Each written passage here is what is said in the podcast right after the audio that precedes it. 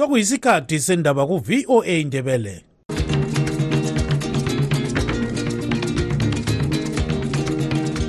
amatshono zihlobo siyalamukela kuhlelo lwethu lwezindaba eziphathelane lezimbabwe kustudio 7 eye-voice of america sisakaza sisewashington dc olamukela ngenjabulo kustudio 7 ngolwesine mhla ka-1 kunhlolanja 2024 ngutabo kancube. Endabeni zethu lamhlanje. Ngemva kokuntengantenga sesikubonile ikakhulu kubukhokheli babo izithembiso zabo zizafadalala ngoba akusekho leyana istructure eyayivele ithembisile iphe izithembiso ezitshiyeneyo iconteste impumela yokhetho. Isimo ebandleni le-citizens coalition for change siqhubeka siyingxabangxoza singazwisiseki kulandela ukusuka esikhundleni sokukhokhela leli bandla okwenziwe ngumnumzana nelson chamisa esithi selingenwe zimpehlane The Second Republic is driving the efforts to find closure and healing for the scars from the disturbances that characterized the early years of our independence. Umongameli emerson mnangagwa uthi uhulumende wakhe uzaqhubeka ngohlelo lokulungisisa udaba lombhuqazwe wegugurawundi ukwenzela ukuba amanyanise uzulu. Uhulumende wazise namhla ukuthi usebuyisele umthelo we-import duty ezintweni ezibalulekileyo empilweni kazulu eziyabe zithengwe ngaphandle kwelizwe. Zonke lezi ndaba lezinye lizozizwa kulumsakazo.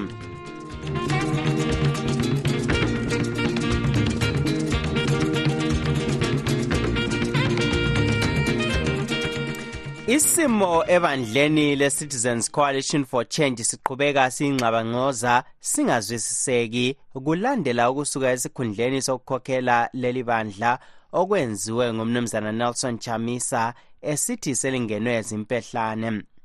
Lokhu kwenzakala ngesikhathi abantu bekhangelele ukuba kuzalungisiswa udaba lokhetho olwaqhutshwa nyakenye ngoncwabakazi olubikwa lwebiwa libandla lezanu p f kulabathi udaba lolu selufike emaphethelweni kulandela ukusuka kukachamisa ku-triple c kodwa kube labanye abathi lulakho ukuphenywa ngendlela abebefisa ukuba yenziwe inhlanganiso yomanyano amazwe akuzansi yezwekazi le-afrika e-southern african development community kanye le-african union. Kusiya phambili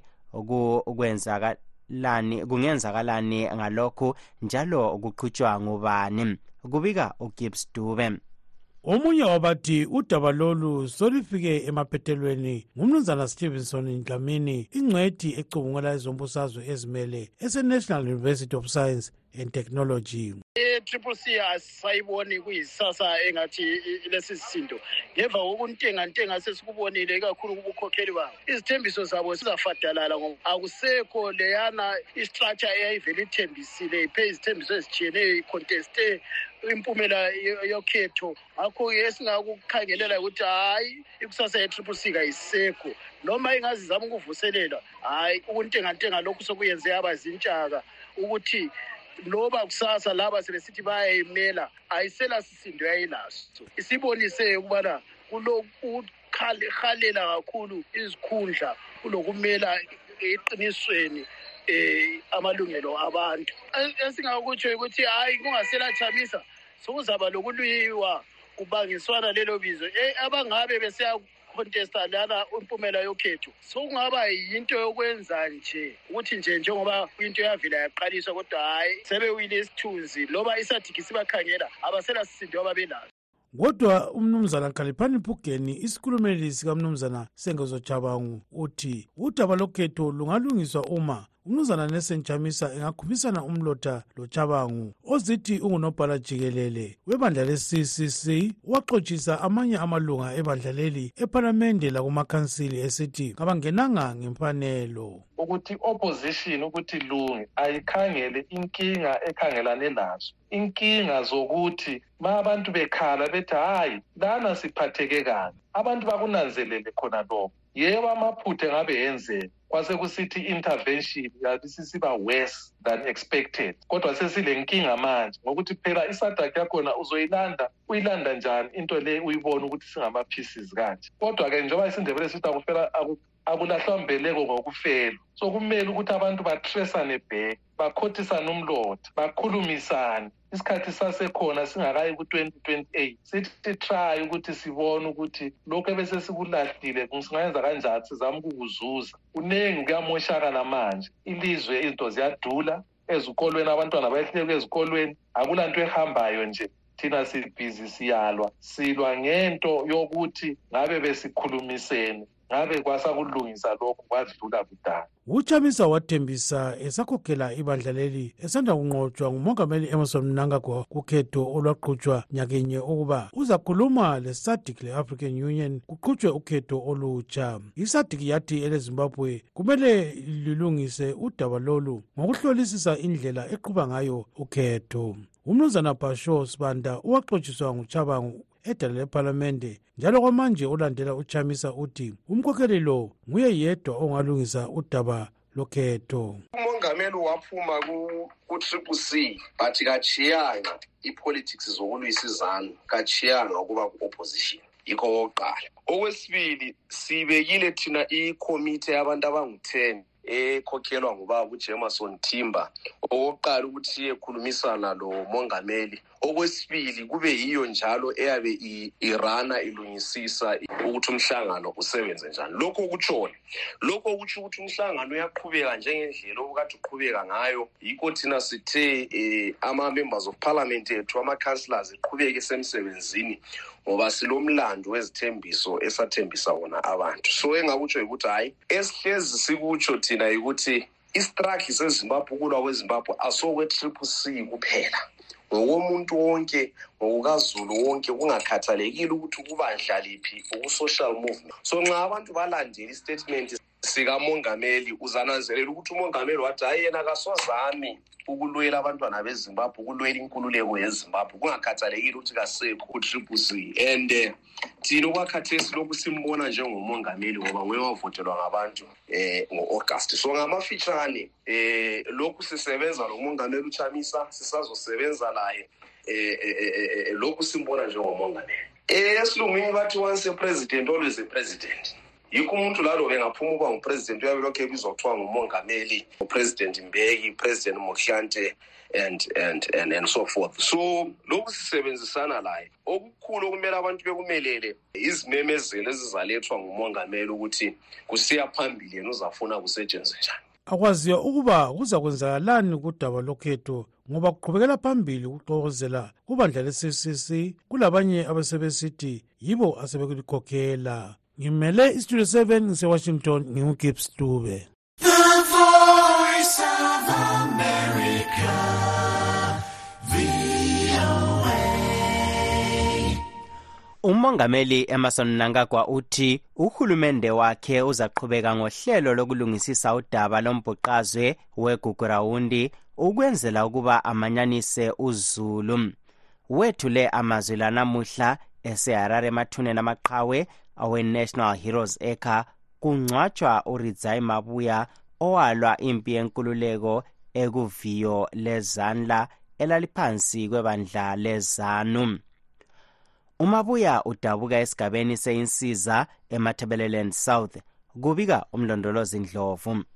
Umnankagwa wethule amazwi la ngesikhathi uhulumende eseqale uhlelo lolu emathebeleland oluphikiswa ngabantu abaningi abathi akumelanga angene kudaba lolu ngoba kuthiwa ngomunye wabaphatheka kumbhuqazo wegugurawundi loba ekuphika lokhu uhlelo lolu luqhutshwa zinduna njalo kuvalelwe phandle ababalekela umbhuqazwe lo abahlala emazweni atshiyeneyo. Umnankagwa uthi lokho okwenzakala emuva akumelanga kuqhubeke kuphazamisa ilizwe esithi uhulumende wakhe ufuna ukubambanisa abantu bonke. Presently, the Second Republic is driving the efforts. Okwakhathesi uhulumende wami uza lemizamo yokuba siqede udaba lolu. Ukuqeda amanxeba alethwa ngokwenzakala sisanda kuthola uzibuse. Sisebenzisa indlela esincediswa zinduna zethu silungisa udaba lwegugurawundi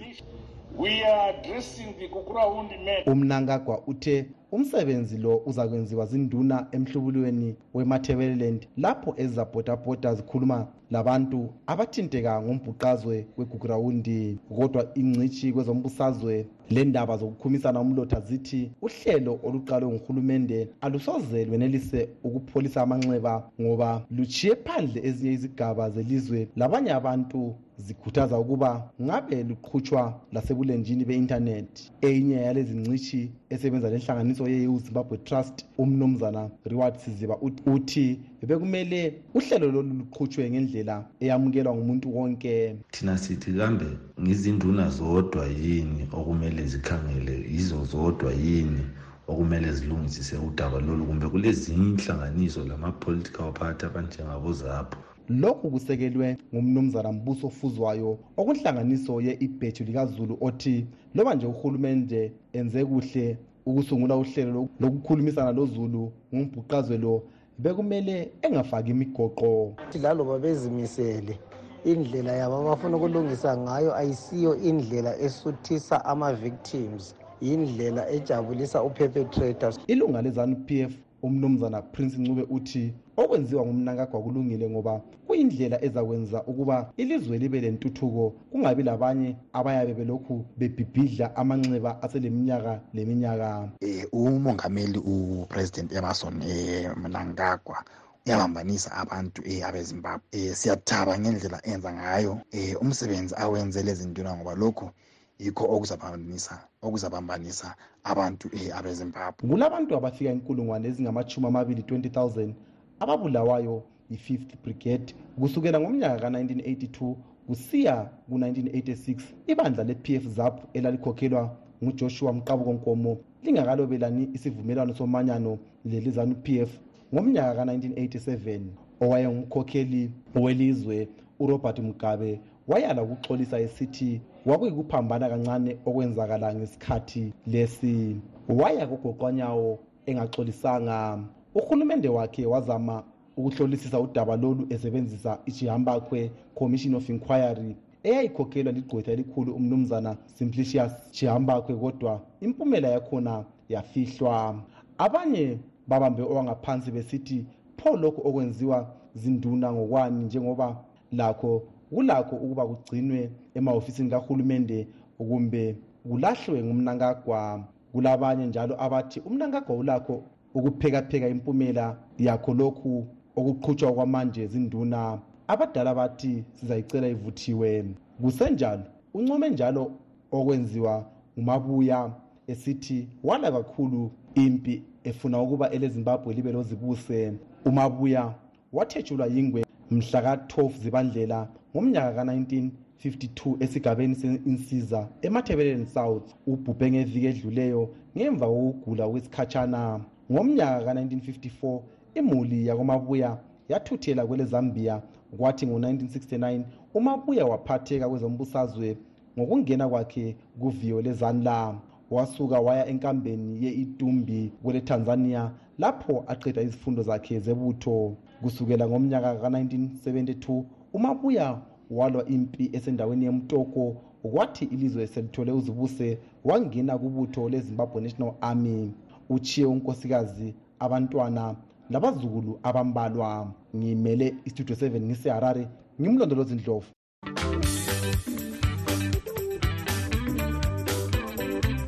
silusizi ukulazisa ukubana sesiza kuma uhlelo lwethu lwendaba zekuseni kusukisela ngenyanga ezayo ekanhlolanja olokugcina uhlelo lusakazwa mhla ka-9 hlolanja kodwa lingalahli themba ngoba konke elikade likulalela ekuseni likukhwabitha kuzabe lokhu ekumunyethwe kuhlelo lwezindaba zantambama ngo-half past 7 nsuku zonke. Sikhumbuzane sihlobo ukubana lanxa ungakhuthwa luhlelo lwezindaba luka-half past 7 ntambama ulakho ululalela lapho soluphindwa ngo-half past 9 ntambama lango-half past 11 ebusuku. Siyalibonga ngokuqhubeka lisekela inhlelo zethu ze-studio 7 eye-voice of america.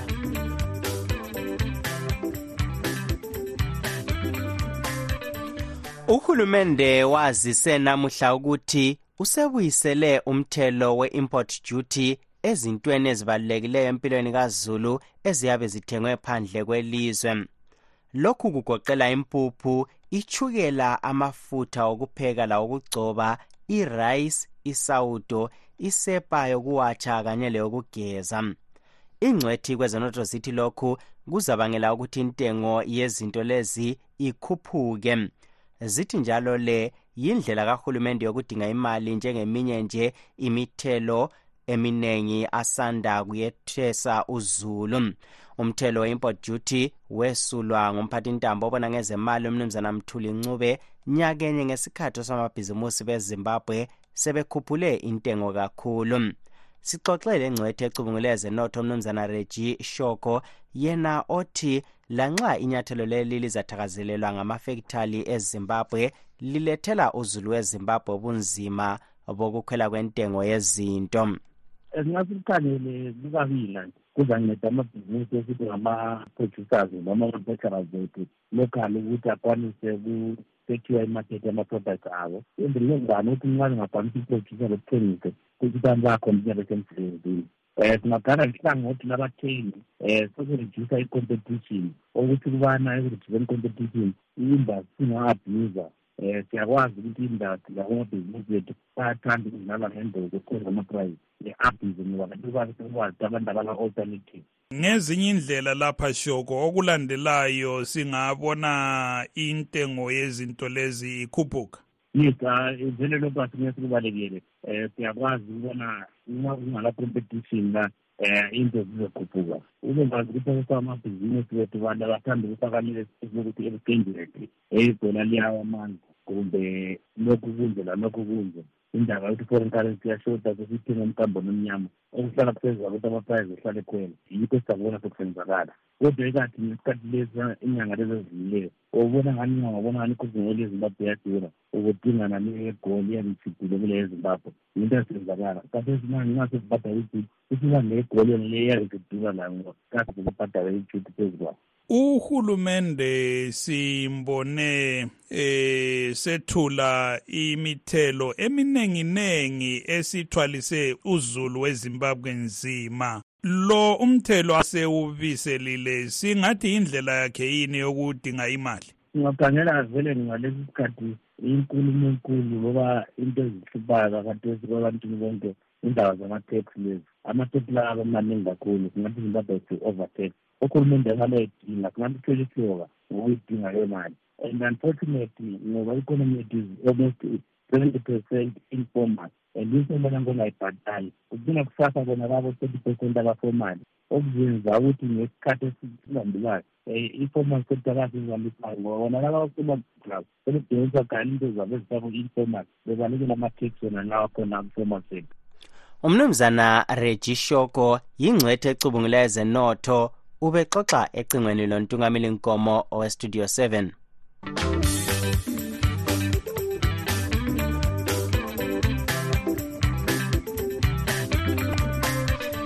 izimbabwe izaqhuba ukhetho lwama-bi-elections ephelandaba chabalala mkhoba north chegutu west zimba, zimba east seke legoromonzi south ngomgqibelo ukhetho lolu luqhutshwa ngalesi sikhathi ilizwe likhangelane lokumemetheka komkhuhlane wekholera inhlanganiso yezempilakahle e-world health organization ikhuthaza abantu emazweni abhekane lodubo lwalumkhuhlane ukuthi bengabuthani kodwa izimbabwe iqhubekela phambili ngokhetho lolu leminye imikhosi ingakunaki lokhu ukuhlaziya lolu daba istudio 7 ixoxa lomgcini isihlalo weboard yenhlanganiso yezakhamizi zeharare eharare residence trust umnumzana albert mazula okwakuqala sibonga umzamo kahulumende lapha abathi bona bazahlaba abantu um lokho kuyabongeka. Kodwa ukuhlaba injekiseni singakhangelanga asingathi thina yi-root cause yekhulera akusifikisi ndawo. Ngoba siseselalo udubo lokuthi amanzi kumele ukuthi kube lemizamo ebhangisayo ukuthi abantu bathole amanzi. Okwakhathesi kasiboni okwenzakalayo. Um siyayifisa ukuthi sibone umunicipality ehamba noma lemota kumbe amatractor alamabhawuza athwele amanzi benika abantu amanzi. Eh yikho esingathi kuba ngcono.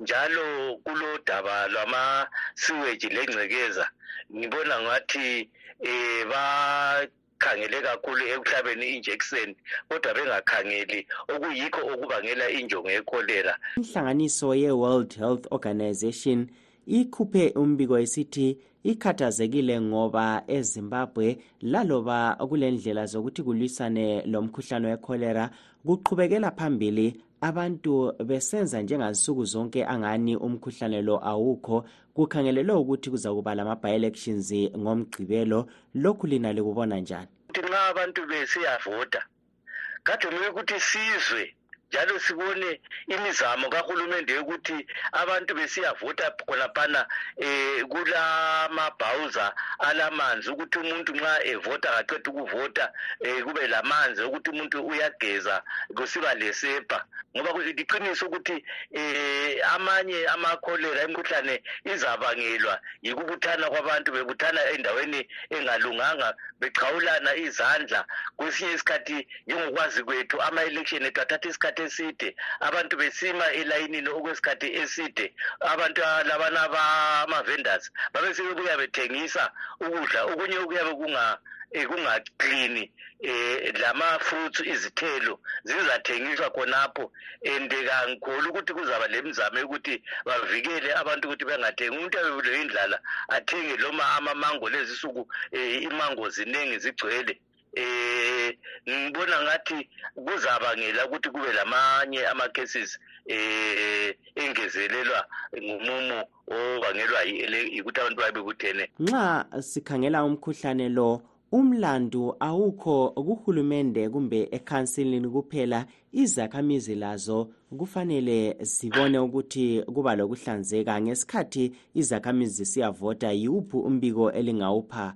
Kizo sikhuthaza abantu ukuthi nxa besiyavota khonaphana bangabingelelani kakhulu njalo nxa bebingelelana bakwazi ukuthi esuka khonapho kule ndawo lapha angageza khona. Njalo nxa bevela vota ngoba uyabe ehlangene labantu abaningi into yakuqala efika eh emzini wakhe esiyikhuthazayo ukuthi kadinge amanzi eh, ageze izandla eh, esebenzisa isepa njalo kababekezele abantu abakhulekayo kulesingathi i-fasting kuzincitsha ukudla. Umuntu kungabekezela ukuthi ungadli six seven hours um kabazame ukuthi babophe um ithumbu bangadli badle sebefike endlini ukudla okuhlanzekileyo hatshi ukuthi um ehluleke ukuzibamba. Lo ube ngumnumzana albert mazula ongumgcini sihlalo wenhlanganiso yezakhamizi zeharare eharare residence trust esecingweni lestudio 7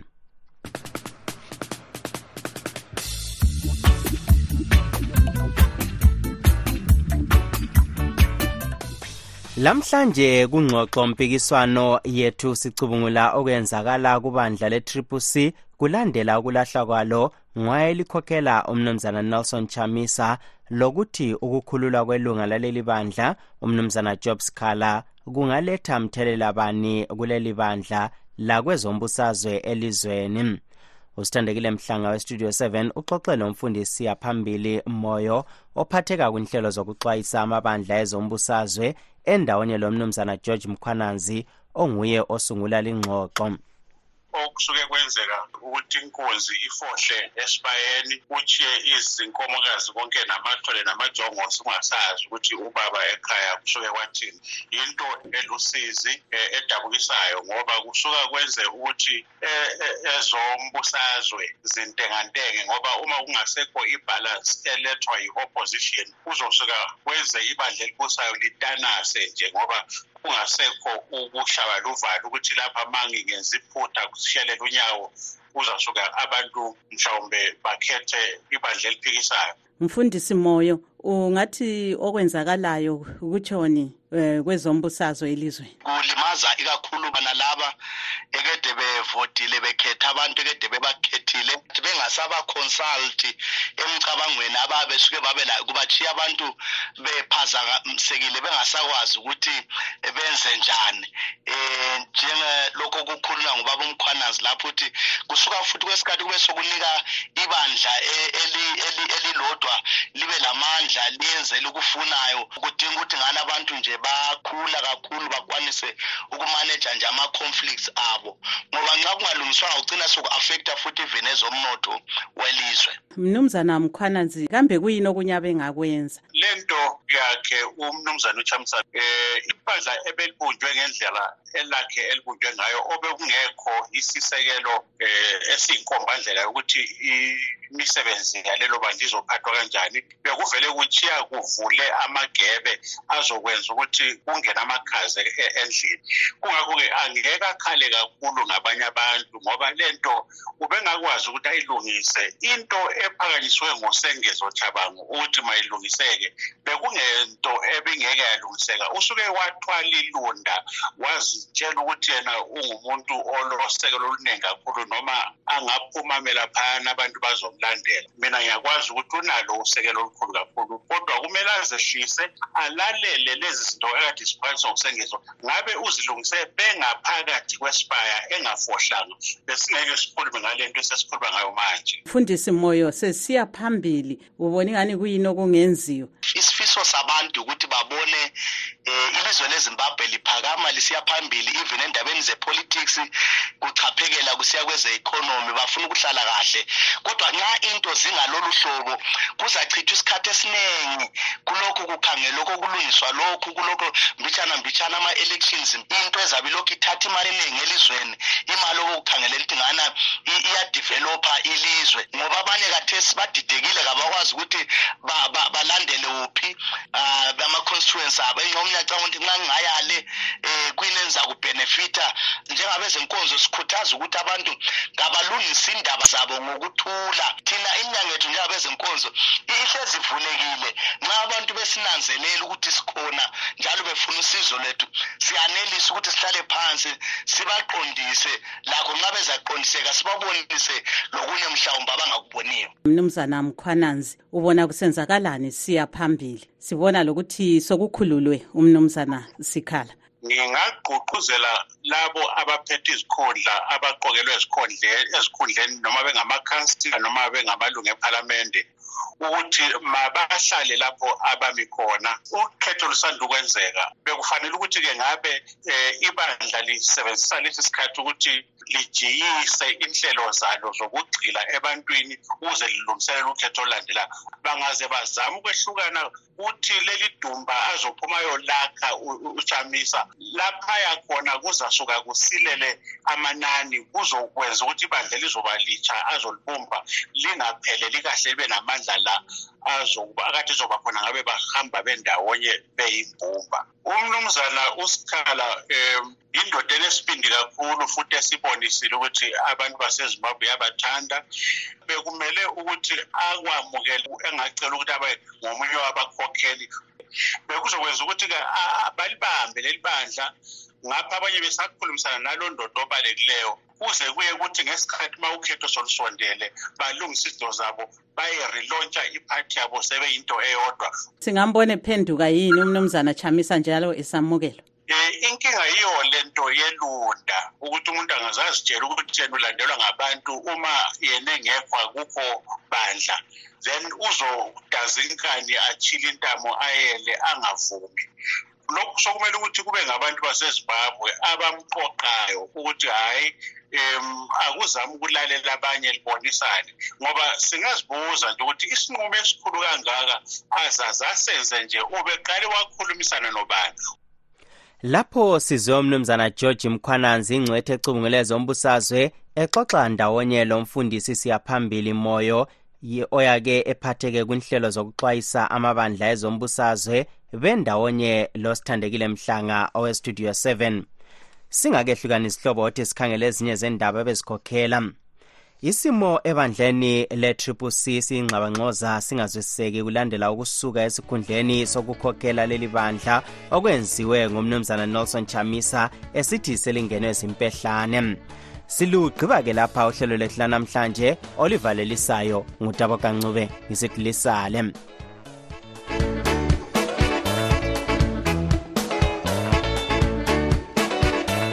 siyalibonga ngokulalela kwenu. Asibeke ithuba elifanayo kusasa kustudio 7 kusukela ngo-half past 7 kusiya ku-8 o'clock ntambama kuhlelo lwezindaba zezimbabwe.